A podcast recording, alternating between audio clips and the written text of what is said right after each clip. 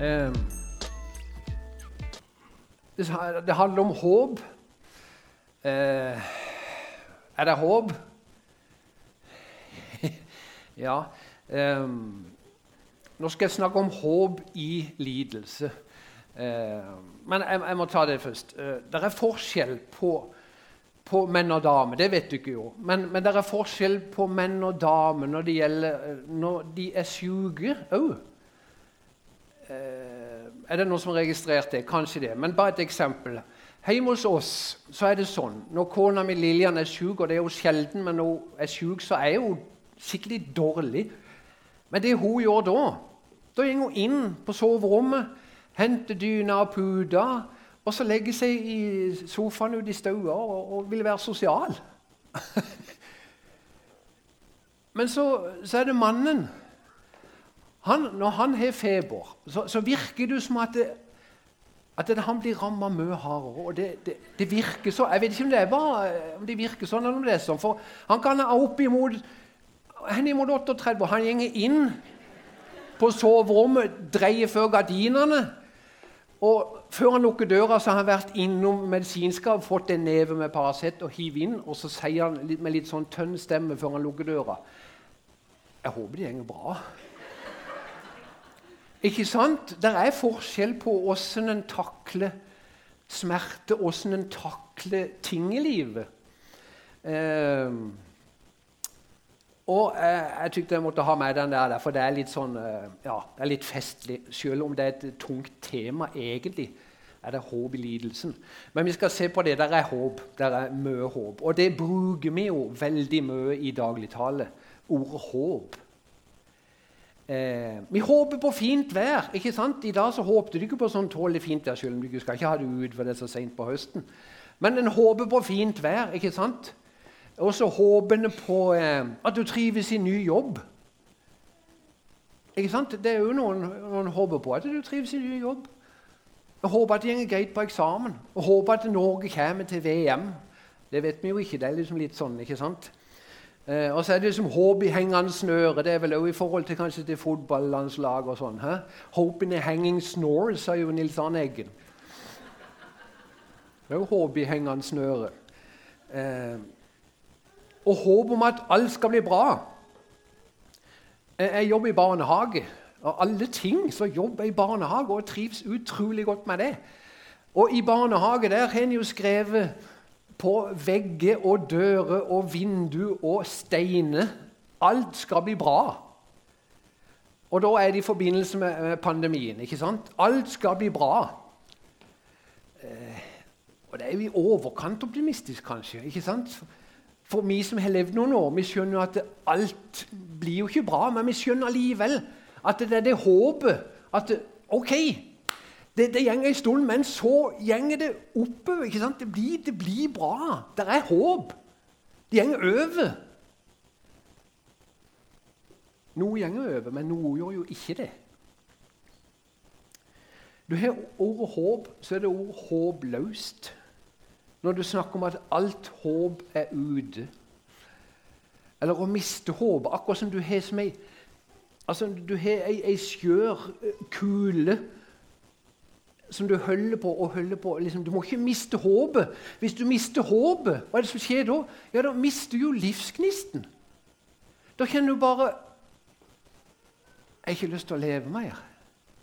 Jeg orker ikke mer. Når du mister håpet. Vi må ikke miste håpet. Det er det siste vi må miste. Det er håpet. Vi kan miste stemmen. Og Du kan miste mye annet, lommeboka og nøkler, og sånn, men du må ikke miste håpet. Vi kan ha falske forhåpninger. Lidelse det rammer oss i ulik grad. Og For noen så er lidelse en stor del av livet, faktisk. Noen er kronisk syke gjennom et helt liv. Og så kan en lure på hvordan i heian takler det. Og det er, Der er jo folk forskjellige. Sånn som du ikke hørte i innledninga med, med hun, eh, dama og han mannen, hvordan de takler det forskjellig. Men å leve et helt liv i lidelse og smerte, Det er ikke lett å sette seg inn i. Men allikevel så fins det et håp. Det fins noe. Der er liksom, ja, det kan, det, det kan bli bedre. Det kan komme en løsning. Det kan være noe som kan hjelpe oss. Det kan noe som kan hjelpe meg ut av denne situasjonen. Jeg gir ikke opp håpet. Aldri om jeg gir opp håpet. Men de fleste av oss vi søker jo, vi søker jo lindring fort. Altså, Jeg vet ikke om noen av dere her inne har migrene. Hvis du har det, så, så har du det vondt. Og det er ikke sånn da at når du kjenner det kommer sånn en migrenetur, så tenker du ja, ja. Migrene ikke sant, det er jo vekk på ja, I løpet av morgendagen så er jo det vekk. Det, det gjenger jo over. Du tenker ikke sånn. Du tenker bare når du kjenner det begynner å morre. 'Jeg må jo få den medisinen så fort som mulig.' Jeg må bare få det inn, og så må jeg få lagt meg, og så bare ro det helt ned. Eller du er tannverk. Jeg kan huske ett år. En, en uh, lille julaften vi var her. Jeg var i kjelleren. Jeg hadde sånn tannverk. Jeg holdt på å bli gal. Og så er det ikke sånn du sier ja, tannvel, det er jo bare et tonn. Altså, det, det, er så lite et tonn inni munnen som verker. Gjør det noe? Det er jo vekk i løpet av en dag eller to. Ah, tannverk. Kan du tenke deg noe så ille? Ja, hele kroppen verker jo, ikke sant? Vi tenker ikke at det går snart over. Vi, vi, vi, må få noe som lindrer smerter. Sånn er vi jo. Vi må få lindra det som er vondt. Og det er mange typer lidelse. Noen er selvforskyldt. Jeg, jeg, jeg stender litt sånn rart her nå. For jeg har, jeg har hatt en smerte nå i rygg og bein siden slutten av juli. Eh, og det er fordi at det er selvforskyldt. selvforskyldt. Fordi at eh, vi kjørte langt opp til, til Nord-Norge med en bobil. Og jeg lot ikke Lillian kjøre den bobilen.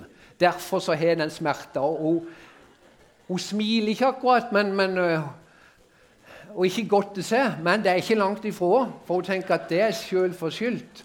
Du kunne ha latt meg kjøre den bilen, da hadde du sluppet den smerta. Mens andre ting er påført av andre. Du har krig, du har flyktningleirer som du ser, du har hungersnød, jordskjelv. Og så tenker du, Når du ser de, de flyktningleirene, tenker du Åssen er det mulig å overleve det. Og så er det mulig å ha et håp når du ser de gjenger vasse i søyler, og der er noen telt de i, der er, det er snø, og det regner og er, det, det de har, det har de i en plastpose. Tenk på Det er jo helt håpløst. Men samtidig så er det ikke helt håpløst. Så har du folk som reiser ut. Du har Lege uten grenser, du har forskjellige typer organisasjoner, du har frivillige folk som reiser ut til flyktningleirer. og tenker, De tenker ikke sånn at Nei, altså, det er jo klart, det er jo håpløst, dette. Vi kan ikke gjøre noe. Det har ikke noe å gjøre her. De tenker kanskje så kan jeg være med og hjelpe. Jeg kan være med å lindre noe smerte. Jeg kan være med å gjøre en forskjell for noen. Og det er jo sånn vi må tenke når vi ser at mennesker er det vondt, når vi ser at det er noen som lider, noen som har, har en forferdelig hverdag å leve i, så kan vi bety en forskjell. Jobb han var en mann som levde for lenge, lenge siden. Han var en rettferdig og god mann, stender der om i Bibelen. Han var velsigna på alle måter. Han var rik. Han var skikkelig rik. Der stender det at denne mannen var den største blant folket i øst. Han var viden kjent for det. Han hadde masse dyr, og han hadde alt på stell. Og så skjer det ting i hans liv som snur hele livet hans på hodet. Alt sammen blir snudd opp ned. For det skjer tragiske ting. Han mister alt det han har av eiendom og rikdom. Det blir stjålet, det forsvinner. Og det verste av alt han mister ti bånd på én og samme dag. Og så tenker du Åssen i alle dager kan du klare å komme videre da? Hvis ikke det er en lidelse som virker håpløst, så vet ikke. Du mister alt du har. Og til og med kona sier så han, han, han, han, forbanner ikke Gud, han klager ikke på Gud. Han sier ja, men skal vi, skal vi bare ta imot det gode for Gud? Skal vi ikke ta imot det vonde? Og så sier kona til ham at du, nå eh, holder du fortsatt fast på gudsfrykten din. Spott heller Gud og dø. Han hadde ikke støtte der heller.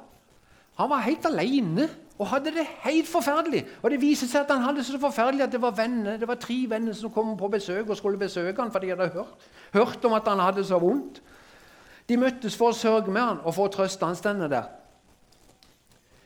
Men mens de ennå var et stykke borte, fikk de øye på han, men de kjente han ikke igjen. De kjente han ikke igjen. Du kan bare tenke deg åssen lidelse jobb måtte være i. Og forferdelig han hadde. Han satt, han satt og skrapte som et potteskår, for han var slått med bylle fra topp til tå. Det verka, og det svei. Og han hadde mista vennene sine. De hadde forlatt han. Han hadde mista båndene sine. De var døde. Og han satt der alene. Og så kommer vennene, og så kjenner de han ikke igjen. Så stender de brast i gråt. De flere kappene sine kasta støv over hodet. Og de satt der i syv dager og syv netter uten å si ett eneste ord. Jeg tenker sånn, bare en liten parentes. Det måtte jo være menn som satt i syv dager og syv netter uten å si et ord. Men det var bare en parentes. Men tenk det! Sitte i syv dager og syv netter du ser bare. Du sier ikke noe. Og det er jo det som kanskje vi har vanskelig for når vi ser folk har det vondt, når folk lir, folk har smerter. Så vet vi, hva skal vi si? Liksom, og så skal vi møte dem. Og jeg tenker, Det viktigste er jo bare å være der. Være sammen med dem. Vi trenger ikke å si så mye. Hvorfor i alle dager skal vi si så mye? Vi viser jo bare med det at du er der, at jeg ser det. Jeg ser du har det vondt. Men han hadde så forferdelig jobb at han etter hvert forbanner den dagen han ble født. Og da kan du bare skjønne at det, Han ønsker ikke mer. Han ønsker ikke å leve mer. Han orker ikke mer. Hvorfor ble jeg født, Gud? Hvorfor så jeg dagens lys? Hvorfor tok du ikke bare livet av meg i mors liv? Og han har det helt, helt forferdelig. Og så tenker jeg hullet, trua igjennom sånn nå. Holder trua igjennom når det virkelig røyner på. Når det virkelig er tøft i livet. Holder det da. Holder håpet om at ja, en dag så skal alt bli godt. En dag så skal dette ta slutt. Eller er det bare et falskt håp? Er det bare ønsketenkning? Jobb han sier i kapittel 16 Fremdeles har jeg et vitne i himmelen, en i det høye, som taler min sak. Mine venner spotter meg, i gråt vender jeg blikket til Gud. Måtte Han gi en mann rett hos Gud og gi et menneske rett mot sin neste.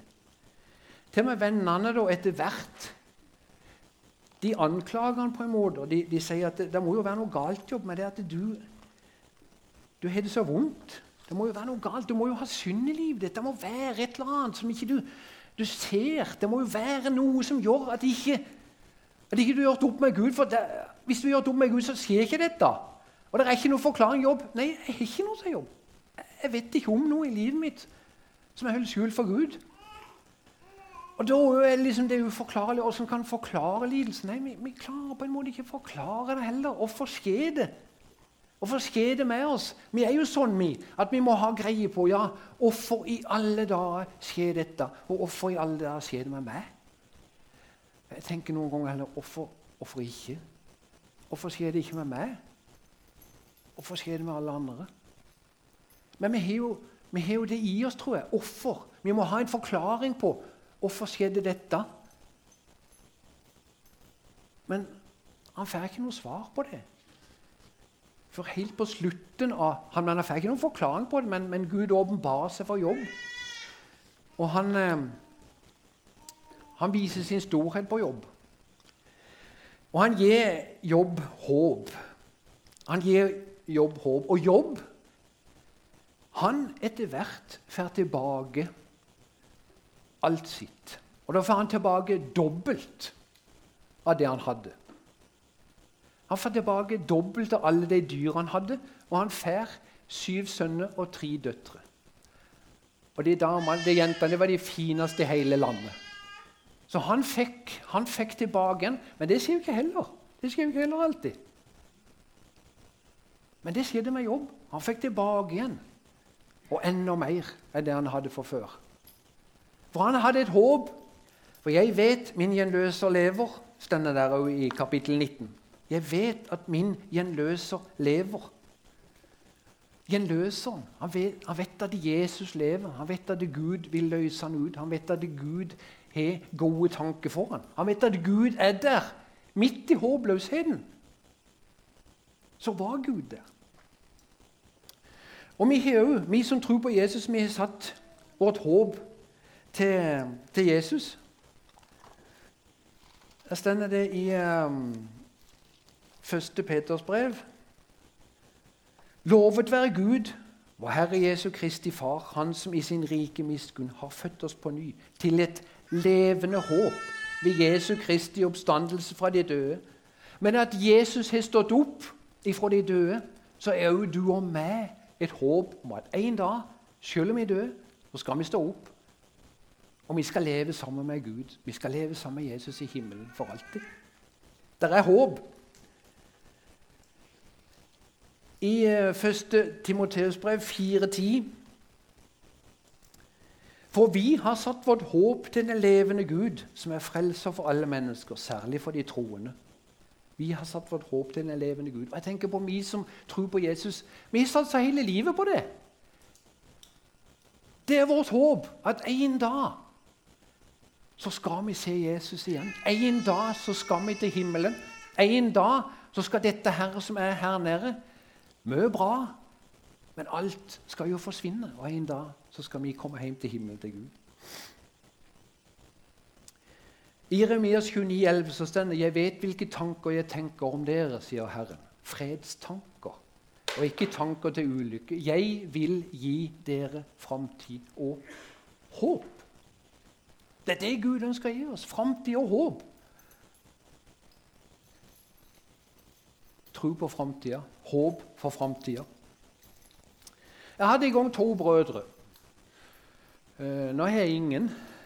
Uh, de døde med syv måneders mellomrom. Eldstebroren min han hadde levd et Ja, dere som kjenner meg, dere kjenner jo han òg. Han hadde levd et liv som du kunne skrevet bøker om. altså Mange bøker. Et vilt liv. Eh, og på slutten de syv siste årene så, eh, så ble han dement og var på, på heimen her borte. Eh, men vi fikk lov, både han og broren min og meg, får lov til å, å si til han, Vet du noe, Karl Oskar, at eh, Jesus er glad i deg. Det er håp. Han er tilgitt all din synd. Du er tilgitt av Gud. Og du er tilgitt av oss òg, søsknene dine. Du er tilgitt. Det er håp. Og selv om han var som han var, så tenker jeg ja. Han trodde det, at det var håp. Og en av de siste dagene som, som han levde, så var Willy, min andre bror, oppe hos han. Og han så at han var svak. Han var i ferd med å sovne inn. Så sa han, «Eh, 'Er du redd?' Nei, han var ikke redd for å dø. Nei, du skal vite det. Der er håp, sa Willy, for Jesus. Vil dere ha båten i land? Der er håp. Du skal komme over til den andre sida. Få måneder etterpå så, så ligger bror, andre broren min på det siste. Jeg fulgte han i sykdomsforløpet der, og han eh, han håpte jo, han håpte jo for at cellegiftbehandlinga skulle hjelpe. Og Jeg så jo den lidelsen han hadde gjennom de månedene. Han ble kjørt helt ned. Det var snakk om først på sykehus i syv timer cellegift, og så fikk han med cellegift hjem fra onsdag til fredag, som skulle bare pumpe det inn i kroppen. Og du så jo bare lidelsen. Du så jo bare åssen mannen forsvant, bokstavelig talt. Og så tenker jeg ja, ja, og han er nå håpet henne? Og han er nå trua? Hæ? Når det røyner på. Og han er da Gud? Han håpte de lengste på helbredelse. Men allikevel så kunne han si hvis ikke det skjer, så er mitt liv i Guds hånd. Mine tider er i dine hender. Og det kunne han leve på, og det døde han på. Jeg var der når han sovna inn. Han hadde håp om at jo, om dette livet går aldri så galt, og ikke jeg blir frisk, så er jeg håp om å se Jesus igjen i himmelen. Hvordan kan vi formidle håp til andre mennesker? Jo, det vil jeg avslutte med brevet. altså det om det brevet. Vi snakka om det før, på, men det er mange av dere som ikke har hørt om brevet fra Anna. Anna hun er ei jente på 13 år. Vi var oppe i Sørreisa, Lillian og meg, i sommer, og da fikk vi høre den historien. Og Det er snakk om håp. Håp som du kan gi til et annet menneske. Um, far i huset hadde vært på besøk. Det hadde vært en sammenkomst hos en mann, en fest hos en mann som var alvorlig syk. Uh, han skulle dø. Og Far i huset kom hjem, og uh, de prata litt uh, i familien der om åssen det var. Så spør jentene ja, jeg, Tror han på Jesus? Nei, jeg tror ikke han gjør det. Ja, men Han kan jo ikke dø uten å tro på Jesus. Nei, de var jo enige om det at nei, det ville jo være helt forferdelig. Hva kan vi gjøre? Ja, Kan du ringe han og snakke med han? Ja, han kunne jo selvfølgelig det. Men, eller skrive brev, kanskje? Kan du skrive et brev? Ja, det kan vi gjøre. Ja, men Det vil jeg gjøre, sier Anna. Anna er 13 år. Hun setter seg ned og så begynner å skrive. Ja, skrive en kladd. Og så begynner hun å skrive.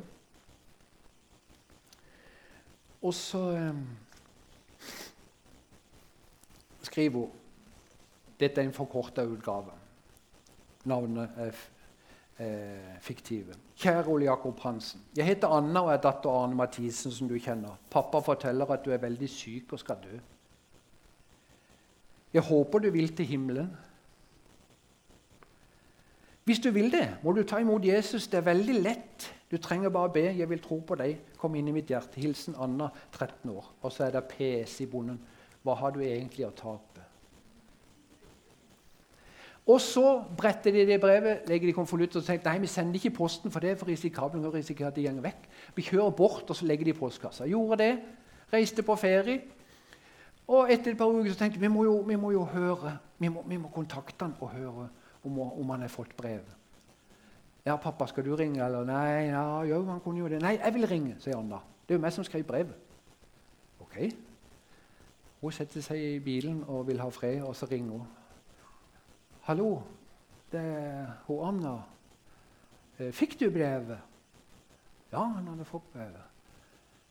Ja, 'Har du tatt imot Jesus?' Ja, det hadde han. 'Har du?' Sa hun. Så begynte hun bare å grine.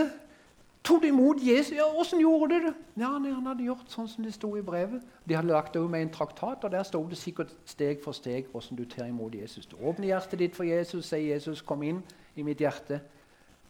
Frels meg for min synd. Jeg vil at du skal være herre i mitt liv. Noe sånn. Så han hadde tatt imot Jesus. Jo, da visste han han det. Du kan gi håp. Helt på det siste kan du gi håp til et menneske. En dag så skal alt bli bra. Jeg hørte fra tronen en høy røst som sa, se, Guds bolig er hos menneskene. Han skal bo hos dem, og de skal være hans folk.